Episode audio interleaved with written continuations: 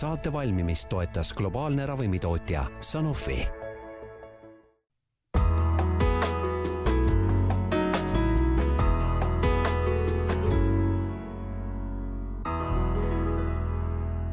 tervist teile, head kuulajad! Te kuulate taskuhäälingu saadet Tervist. minu nimi on Aive Mõttus, olen Maalehe ajakirjanik ja tervisetoimetaja. tänases saates on mul külaline ja selleks külaliseks on äh, doktor Anu Heedmann, kes töötab juhtivarstina Ida-Tallinna Keskhaigla Südamekeskuses. tere! tere! täna hakkame me rääkima sellisest asjast nagu kolesterool. jaa. Teile igapäevane teema ilmselt? absoluutselt aga tavaline inimene kuuleb kolesteroolist väga tihti esimest korda võib-olla alles perearsti vastuvõtul, kui talle öeldakse, et tema vereanalüüs näitab, et seda on liiga palju. no mis asi see kolesterool üldse on ja miks meil seda organismis vaja on, kui meil sellega enamasti probleem on? jaa, no ma usun, et äh, enamus kuulajaid vast on kuulnud sellest asjast, õnneks äh, ja mm, see, mida me mõõdame vereanalüüsis, on selline üldine kolesterooli number.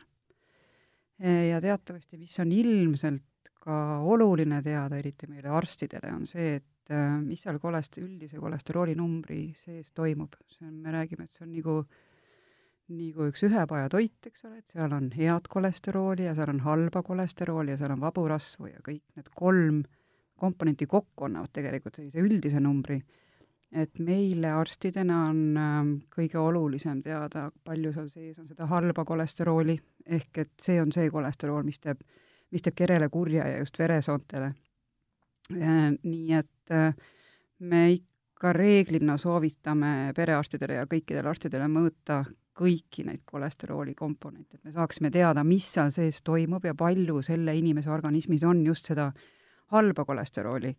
nii et kui perearst ütleb, et kolesterooli number on kõrgem, siis inimene võiks küsida seda, et äh, kui kõrge on see halb kolesterool. Seda, seda võiks inimesed teada ja me ütleme niimoodi, et üks iga üle kolmekümneaastane inimene võiks teada oma kolesterooli, veresuhkrut ja vererõhku. ahah, kui palju teie juurde satub patsiente, kes teavad neid kolme näitajat? no üldiselt kolesteroolist teatakse, aga, aga, aga mitte halvast kolesteroolist mitte nii palju ja nii et sellepärast me üritame neid harida iga kord, et, et hästi oluline vaadata sinna kolesterooli sisse. Miks meil seda kolesterooli kehas üldse vaja on, mis ta teeb? no kolesterooliga me ehitame üles oma rakke ja organeid ja sünnist saadik, eks ole.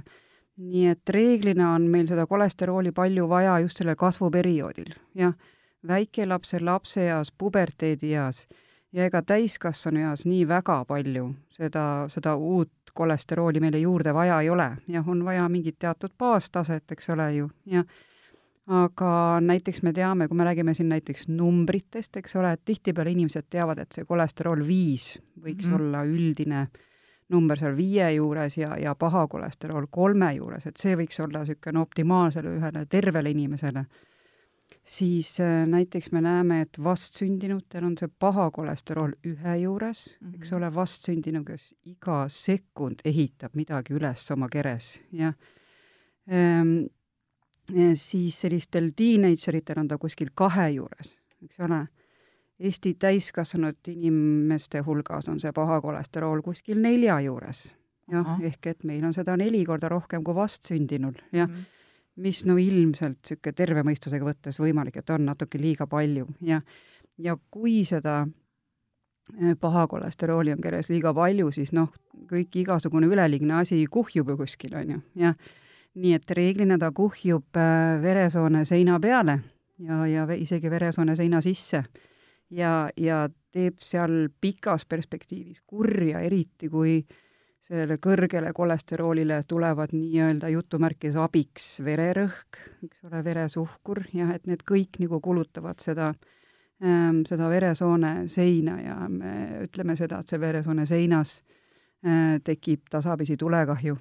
Kas need ongi tegelikult need põhjused, miks peaks kolesterooli näitu püüdma siis seda halva kolesterooli näitu just norma, normi piires hoida? jaa, see ongi see halb, on see, see, millele kogu meie arstkonna fookus ongi no kas te saate näiteks tuua, millised, milline on kõige kõrgem halva kolesterooli näit, mida te olete oma praktika jooksul näinud? Äh, kolmteist. ohoo. kuidas see inimene ennast tundis, kas ta üldse midagi tundis halvasti? ikka tundis. jaa, et ega noh südamearsti juurde tullakse harva äh, rääkima, kui hästi inimene tunneb, et, et reeglina inimesed ikka tulevad murega, jah, aga tuleb neid ka, kes on terveks saanud ja ennast hästi tundnud, nii et äh, ka selle üle on meil hea meel, aga meil on niisugune eh, professionaalne kretinism ehk et uudishimu just nende haiguste suhtes, eks ole, et me tahaksime, tahaksime, me olemegi ju selleks, eks ole, eh, nii-öelda kogu, kogu selle, kogu selle kooli kadalippu läbinud, et haigeid inimesi aidata, aga otse loomulikult ka selleks, et, et haigusi ei tuleks aga, aga miks see verekolesterooli sisaldus tõusma kipub, no kui ta vastsündinutel, see halb kolesterool, eks ole, oli seal ju üks, siis teismeeas kaks ja täiskasvanuna juba neli. miks see, miks see tõuseb kogu aeg? kas me teeme midagi valesti? see on ikka väga paljus toidulauas kinni ja, ja nii et äh, me teame seda näiteks maailmas on väga palju erinevaid rahvastikke, näiteks äh, Hiinas maal elavad rahvad, nendel on suht madalad kolesteroolid, mida rohkem linna poole me liigume ja rohkem urbaniseerunud see, see keskkond on, seda kõrgemaks läheb kolesterool, eks ole, ehk et me toidulaud on palju mitmekesisem, me, me valime sealt need asjad, mis maitsevad hästi. Aga rasv ju maitseb hästi. ja reeglina kolesterool maitsebki hästi. kolesterool on maitsemolekul, jah.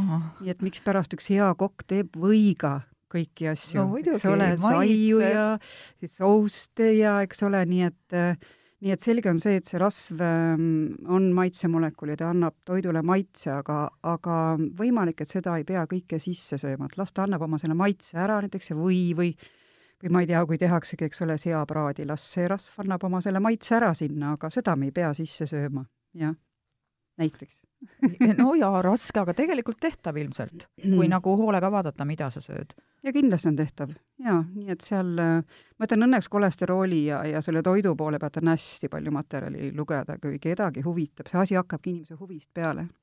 see asi hakkab inimeste huvist, kui inimesel on huvi ja motivatsioon, siis inimene ise otsib juba endale, selle kohta on väga palju materjali tegelikult olemas. aga millal see huvi tavaliselt teie kogemuse põhjal tekib, kas siis, kui inimesel on juba terviseprobleem või enamasti siis, kui, kui ta nagu püüab ennetada neid probleeme? väga erinev. otse loomulikult äh, hästi suur häirekell hakkab inimesel lööma siis, kui tal avastatakse midagi ähm,. Aga on ka neid, kes on juba eos nii-öelda väga terviseteadlikud ja, ja on huvitatud oma tervisest. On ka neid, kes on väga haiged ja kes ikka pole oma tervisest huvitatud, nii et me näeme ju inimesi seinast seina, aga üldiselt reeglina Äh, on inimesed palju-palju terviseteadlikumad kui ütleme, kümme, kakskümmend aastat tagasi. ja seda me näeme ka nii-öelda kolesterooli numbrites tegelikult, nii et äh, siin Põhjamaades on ju tehtud ähm, suuri uuringuid Soomes, Norras, kus on näha, et selle viimase kolmekümne aasta jooksul tegelikult kolesterooli numbrid on tulnud palju paremaks just tänu inimeste teadlikkusele. Ühel päeval mul oli paar nädalat tagasi huvitav vestlus ühe seitsmenda klassi lõpetanud tüdrukuga ja ma küsisin ta käest, et kui palju teile koolis räägitakse tervislikust toitumisest. või et noh, meil oli konkreetselt juttu suhkrust, et kas sa tead, mis asi on suhkur, miks seda organismis vaja on, kui palju seda võiks süüa ja noh, siis nendest nii-öelda looduslikest suhkrutest ja, ja lisatud suhkrutest.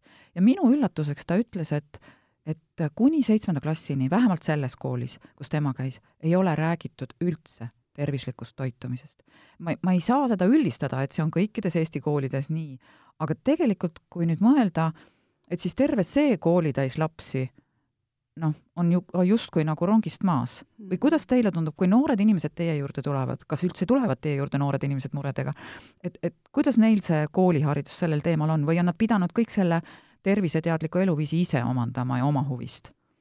Äh, võimalik, et ongi see, et see, see kool on nagu hästi spetsiifiline, nad üritavad inimestele anda neid baasteadmisi, eks ole, organitest ja kuidas need toimuvad, tean, mul kodus ka, oi, kuidas me õppisime vereringet ja luustikku ja lihaskonda, eks ole ju, aga võimalik, et seal tuleks rohkem ka niisugust muru, murujuure tasemel äh, teadmisi anda, aga noh, muidugi meie noored on ju ninapidi internetis, nii et äh, internetis nii-öelda jutumärkides heas ja halvas, sealt saab kõike informatsiooni ja tegelikult kool võiks olla see, kes nii-öelda selekteerib välja sealt selle õige ja reaalse ja pädeva informatsiooni, mida, mida noorele inimesele anda, nii et seda kindlasti võiks rohkem, rohkem olla, olen ise käinud ka oma lapse koolis äh, rääkimas erinevatest äh,, erinevatel terviseteemadel nii-öelda, nii et tegelikult see äh, see noorte laste seltskond on hästi vastuvõtlik, nii et on hästi tänulik publik, jah, nii et äh, tõmbavad nagu švammi kõik seda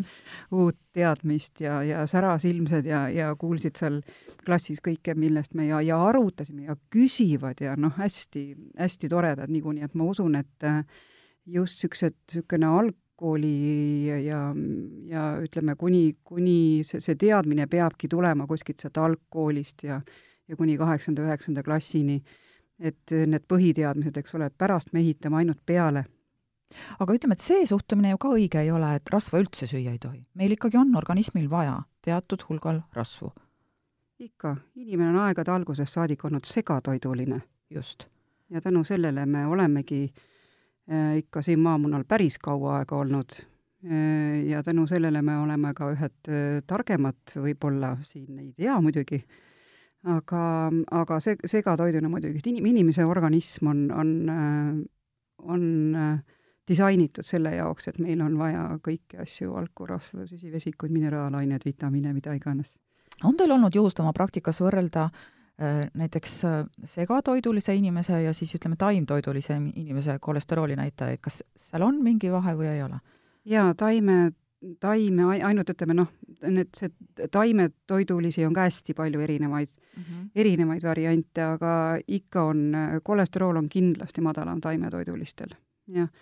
Ehm, aga taimetoidulistel on ähm,, tihtipeale me näeme pa-, palju muid probleeme keres, madalate hemoglobiinidega, madalate mineraalainete väärtusi veres ja nii edasi, nii et tegelikult Äh, targad taime, taimetoitlased teavad, et nad peavad võtma teatud toidulisandeid, et nii-öelda tagada oma see mitmekesine toidulaud. et ühesõnaga, kui olla taimetoitlane, siis targalt, igal juhul? igat asja peab targalt tegema no jaa, see on, see on elu, elu põhimõte, et äh, jah, et ja noh, niisama lihtsalt heast peast ei ole nüüd ka mõtet hakata mingisuguseid toiduaineid absoluutselt välistama, me ikkagi vajame ju tegelikult kõike äh, piisavates annustes. inimene on segatoiduline, aga on olemas teatud äh, haigusi, kus inimesed ei saa osa toiduaineid süüa ja, ja noh, näiteks kes on laktoositalumatu, eks ole, kes on gluteiinitalumatu ja, ja, ja ega nende inimeste elu ei ole lihtne ja, ja kui mingi asi jääb puudu, siis tuleb ju keresse ka haigus. nii et sealt juba on lihtne näide, et inimene ilmselt on segatoiduline. kuulge, aga teeme nüüd ühe asja selgeks, muna munast vanasti räägiti kui ühest tohutust õudsast kolesteroolipommist. kuidas tänapäeval munaga on? Äh, muna on väga hea toiduaine. Äh, ma tean, et kunagi tehti isegi mingisugune uuring äh, tõestamaks, et, et suur muna söömine tõstab kolesterooli. inimestele minu meelest anti üks kuni kaks muna päevas ikka nädalaid ja mõõdeti nende kolesteroolinumbreid ja nende numbritega ei juhtunud mitte midagi. ehk et võimalik, et siin on ka see, et erinevatel inimestel on nii-öelda see kolesterooli omandamise ja ümbertöötlemise nii-öelda oskus ja, ja võime on ka erinev. jah, see on see, mille pärast me teame, et on osa inimesi, kes on juba sündinud nii-öelda äh, sellise geneetilise rikkega, mis hoiavad nende kolesterooli keres äh, kõrgema. aga no, üldiselt on lastel näidud madalad, nagu me rääkisime, eks ole, aga kas, kas võivad olla ka äh, lastel kolesterooli näidud kõrged ja miks? Jaa, nii et siin tulebki see äh, geneetilise päri, päriliku kõrge hüperkolesteroleemia teema, ehk et lihtsalt äh, me teame seda, et äh, osa inimesi sünnivad juba sellise geenirikkega, mis, mis hoiab nende kolesterooli taseme väga kõrge keres, ikka väga kõrge. aga mida me näeme ju ka seda, et meie nii-öelda teenagerid äh, näevad juba välja nagu väiksed täiskasvanud, eks ole ju, jah nii et äh, ma ütlen, et selliste, selliste kõrgete vererõhunumbrite ja kolesterooli numbrite olemasolu sellistel kaheteist, kolmeteist, neljateist-aastastel ilmselt ei ole, ei ole üldse mingisugune haruldus, vererõhk ka nii noortel lastel kõrge? jaa, ikka, sest et neil, nende, nende kered näevad välja nagu täiskasvanud inimese kered ja vaata et isegi suuremad mõnele. jaa, on mm. -hmm.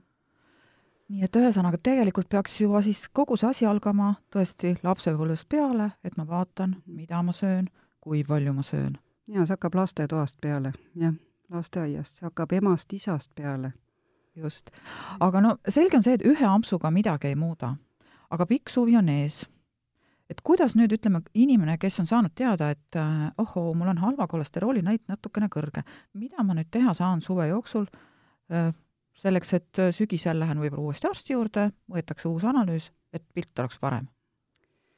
no suvi on äh, ideaalne aeg tegelikult kolesterooli langetamiseks, kui palju meil, see, vaadake seda värsket asjade letti, mis on no kakskümmend viis meetrit, eks ole ju. on, on. nii et äh, lihtsalt süüa näiteks kõht täis heast salatist, eks ole ju, ja kui ka see, kui ka see grillipidu tuleb, siis tõesti lihtsalt äh, kolmveerand taldrikut salatit, eks ole ju, siis ja siis üks väike veerand midagi muud, et äh, et eh, kana on okei okay,, tailiha on okei okay,, eks ole ju, mis ilmselt ei ole okei okay,, on see vorst, mida pannakse grilli peale, sest vaadake, et see asi, mis sealt vorstist välja tilgub.